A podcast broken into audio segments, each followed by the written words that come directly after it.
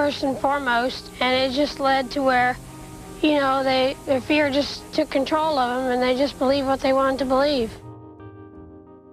We are normal. We are human beings. We can walk. We can talk. We are all the same. Thank you. Hér verða sagðar sögur tveggja stráka sem urðu óvænt andlit alnæmis í fjölmiðlum á nýjunda og tíunda áratug síðustu aldar. Ryan White í bandaríkjónum og Nkosi Johnson í Suður Afriku. Þeir sóguðust inn í atbyrðarás sem þeir hafðu enga stjórn á. Hvorugur þeirra fekk að mæta í skólan með jafnöldrum sínum eftir að það varð ofinbert að þeir væru síktir af HIV veirunni. En hún smitast ekki millir fólks í hverstagslegum aðstæðum eins og við leik og nám í skóla. Hvers vegna var fólk þá svona hrætt við að umgangast þá?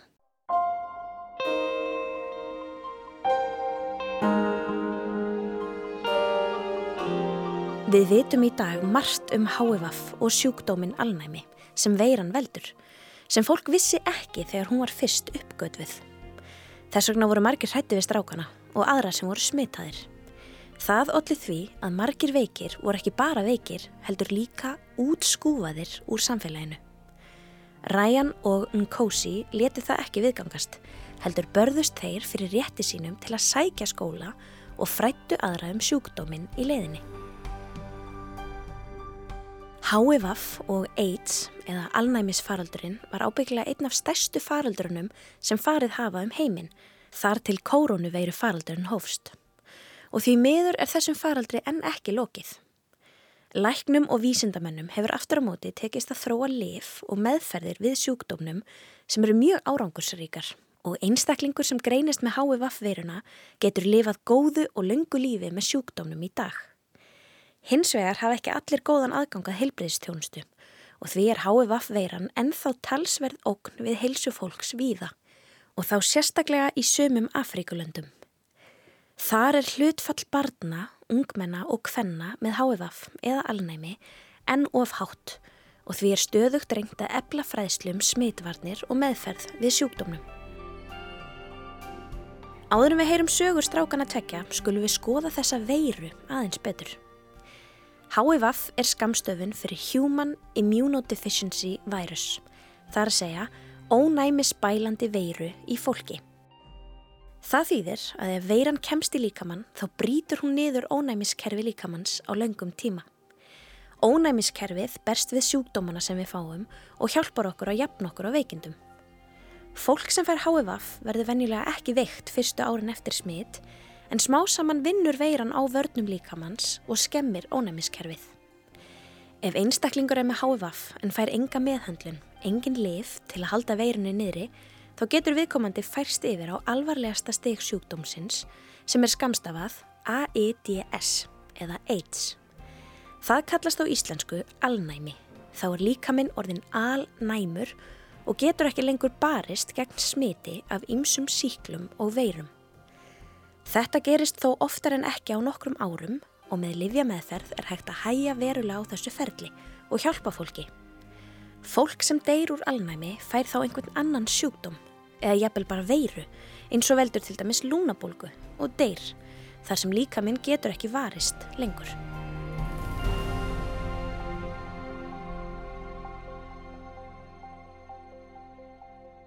Hvernig smitast maður af HVF? HVF veiran berst millir manna með nokkrum leiðum en helst með eftirfærandi hætti. Númer eitt. Við óvarið kynlíf með HVF í ákvæðum einstaklingi sem er ekki lifja meðferð. Óvarið kynlíf er til dæmis kynlíf án þess að nota smokk. Númer tvö. Með HVF síktum spröytum eða spröytunálum. Þannig hafa margir smitast sem neyta fíknefna. Númer þrjú. Við blóðgjöf með síktu blóði. Það er að segja blóði sem ekki hefur verið skemað fyrir HVF verunni. Allt blóð á Íslandi er skemað og þannig reynd að tryggja að síkt blóð sé ekki notað. Númer fjögur. Milli móður og barns á meðgöngu. HVF smituð móðir sem ekki er á livjum við verunni getur smitað barnið sitt áður en það fæðist. Síðustu tvær smitleiðirnar eru þær leiðir sem veiran ferðaðist til að smita söguhetjur þessa þáttar. Ryan White smitaðist með síktu blóði og Nkosi Johnson í móðurkviði. Fyrstu veikindin af völdum þessara nýju veiru sem fekk síðarnafnið HVV komið fram í Los Angeles í bandarækjónum árið 1981. Federal health officials consider it an epidemic, yet you rarely hear a thing about it. At first it seemed to strike only one segment of the population. Now, Barry Peterson tells us, this is no longer the case. Fimm ungir, samkynneiðir karlmenn sem áður höfðu verið heilsurhaustir fengu dularfulla lúnasíkingu. Stuttu síðar höfðu mun fleiri smitast í samfélagi samkynneiðra og hlutfall þeirra sem létust var hátt. Fólk held því fyrst að veikindin hefðu eitthvað með kynneigð að gera, en það vissið ekki betur. Vísindamenn og læknar hófu strax að leita ástæðu þessara dularfullu veikinda. Næstu mánuði og ár komi fram smitt hjá körlum og konum á öllum aldri af mismunandi kynþáttum og kynneigð. HVF var nú að finna í fleiri löndum en í bandaríkjónum og hafði því örglega náðu að breyðast út víða áður en fyrstu tilfellin voru skrásett. Læknar og vísindamenn klóruðu sér í höfðun yfir þessu og smitleiðir veirunar voru alls ekki augljósar. Flest bendi til þessi upphafi að smitleiðirnar væru helst í gegnum kynlíf eða síktar spröytur. Þegar börn fóru að síkjast líka dreifðist sá orðrómur að þessi nýja veira gæti smitast í hverstagslegum samskiptum.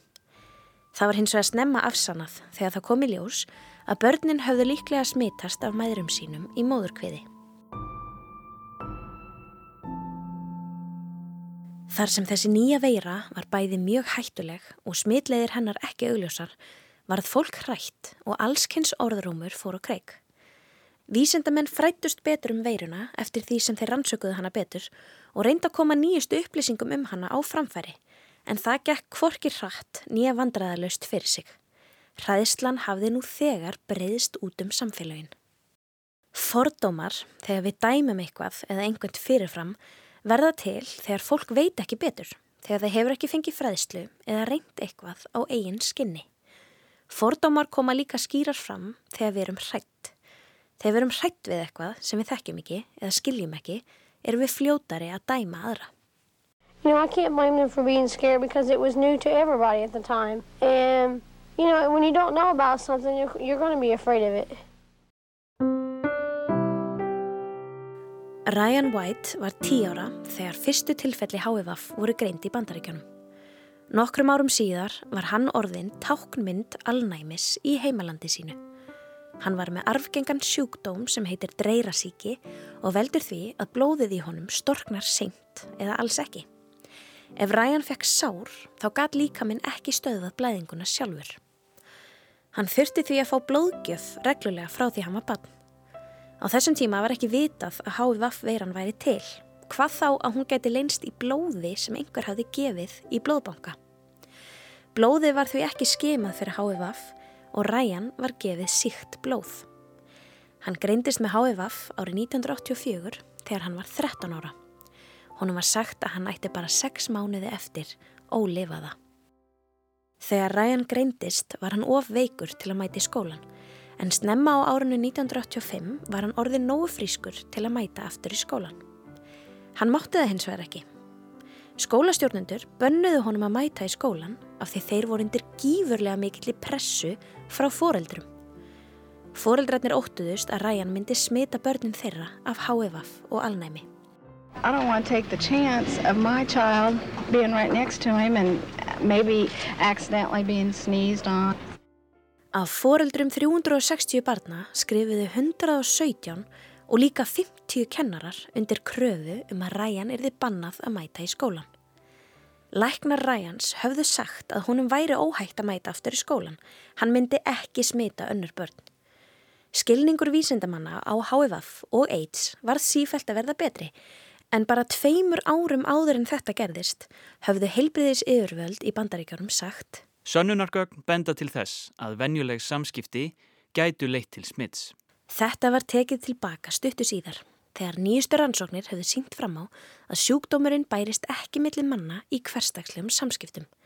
Ekki við snertingu eða kossa, en fólk var enn of hrætt. Þau vissu ekki að þú getur ekki fengið sjúkdómin með kossum, tárum, svita eða munvatni. Sagði mamma Ræjans, Jean White Ginder. Skólastjórnendur í skólanum hans Ræjans bönnuðu honum samt að mæta. Mamma hans sótti þá um formlegt leiði hjá skólaeyðurvöldum á svæðinu en fekk líka neitun þar. Þá ákvað hún að fara í mál við skólan. Það var kannski ekki skrítið að margir fóreldrar veri rugglaðir í rýminu, viss ekki hvort þau getur treyst þessum nýju upplýsingum. Hraðisla fóreldrarna leiti til þess að krakkarnir urður hrættir líka. Súrhæðisla braust út í einelti og stríðni þegar Ræjan fekk loks leiði hjá skólaeyfurvöldum til að mæta eftir að málaferlin höfðu leitt til þeirra niðurstöðu. I was talking about, uh, you know, they accused you of what, spitting on the, on the vegetables or something? Yeah, spitting on vegetables and taking bites out of cookies and putting them back. Þau sökuðu þig um hvað? Að hrækja á græmitið eða eitthvað slíkt?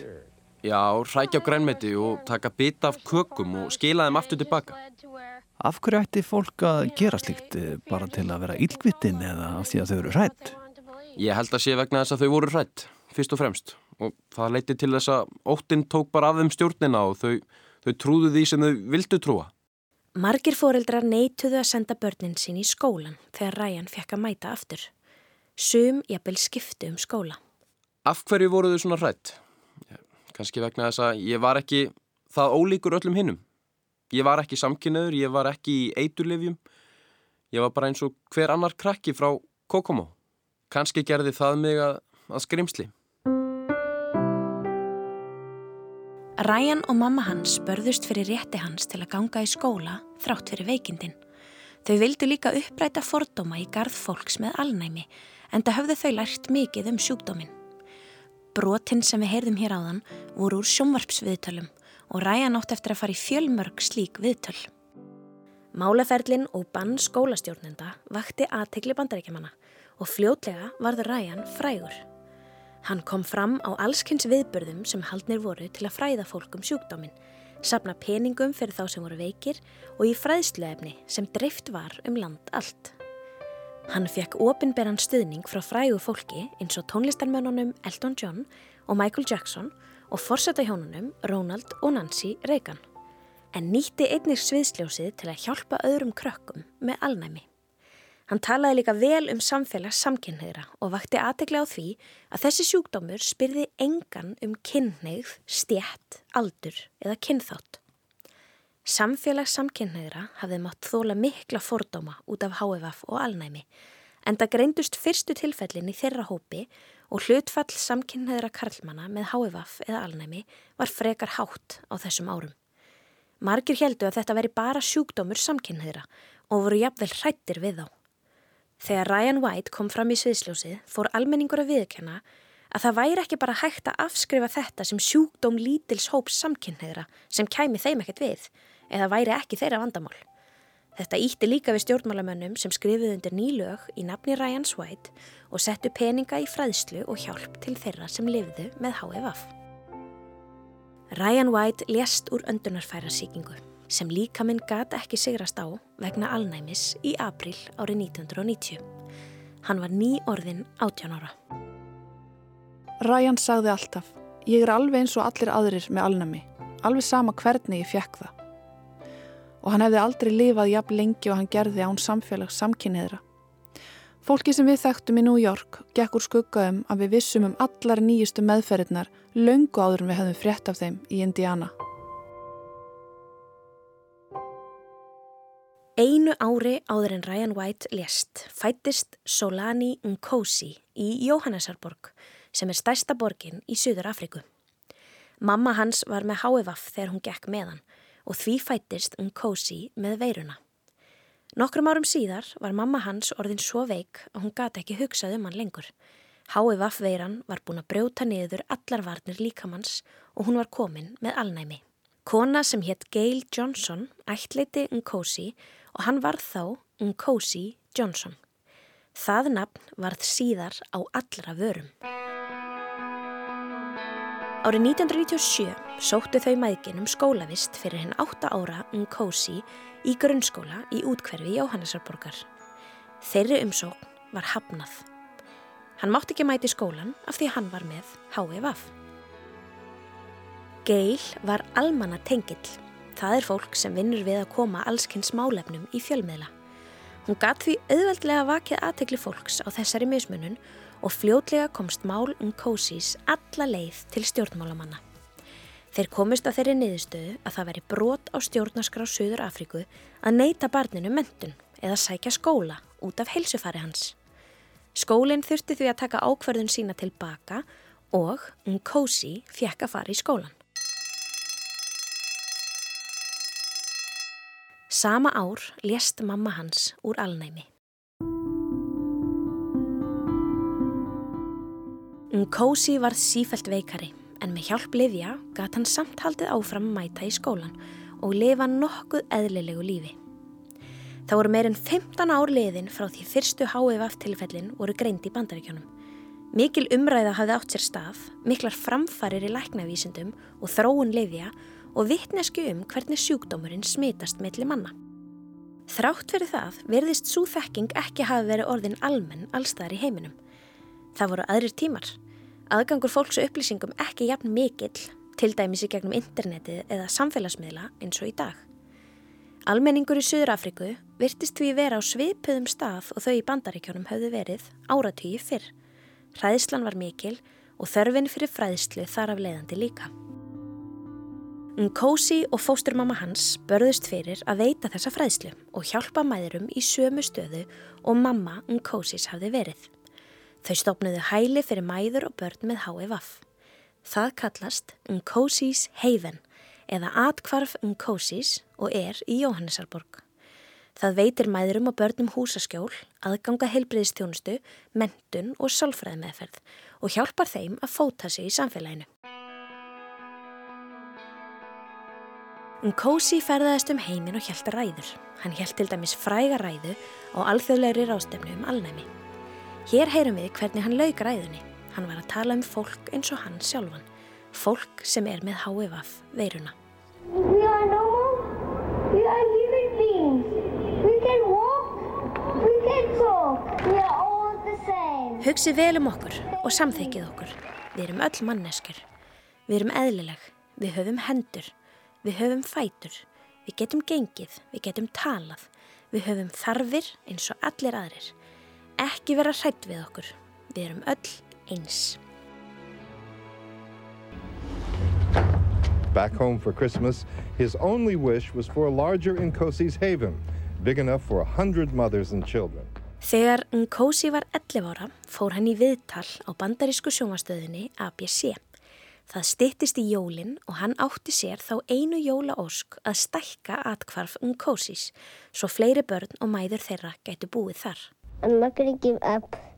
I've got a lot of work to do for the others, mothers and children out there. Ég ætla ekki að gefast upp. Ég hef mikið verk að vinna fyrir aðra, mæður og börn þarna úti. Stuttu síðar náði sjúkdómurinn yfirhöndinni. Nkósi fekk heilaskaða af völdum alnæmis og lést aðeins 12 ára gamall. Þó náði hann að verða það barn sem á þeim tíma hafði lifað lengst allra barna með sjúkdóminn í Suður Afriku. Eftir að Nkosi dó fekk hann alþjóðleg fríðarverlun barna fyrir baratu sína og starf í þáu barna með alnæmi.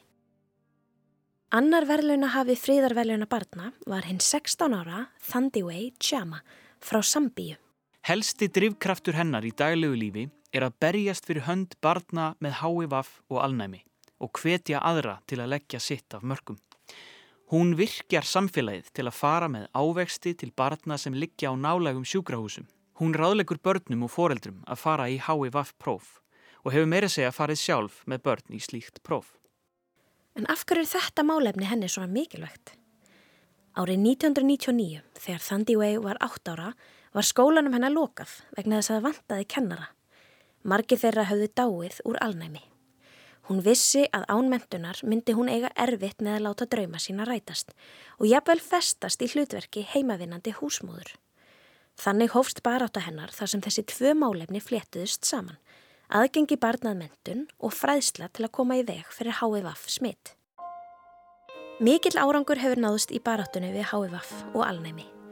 Við vitum að það er ekki hægt að smitast með hverstagslegum samskiptum, knúsum og kossum og því er ekki ástæða til að útiloka smitað fólk frá samfélaginu. Við vitum það af því við höfum fengið fræðsluna. Fólk hjálpast við að dreifa vittneskjunni og treystir læknavísindunum. Flest smit greinast nú í löndum Afríku eins og Eswatini, Lesotho, Botswana og Suður Afríku. Þar hafa heilbriðis yfirvöld og alþjóðastofnanir reynda ná til fólks, fræða um smitleiðir sjúkdómsins og bæta aðgengi að getnaðarvörnum og livjum sem bæla veiruna. Svo fræðsle hefur bara því miður ekki náð nógu víða.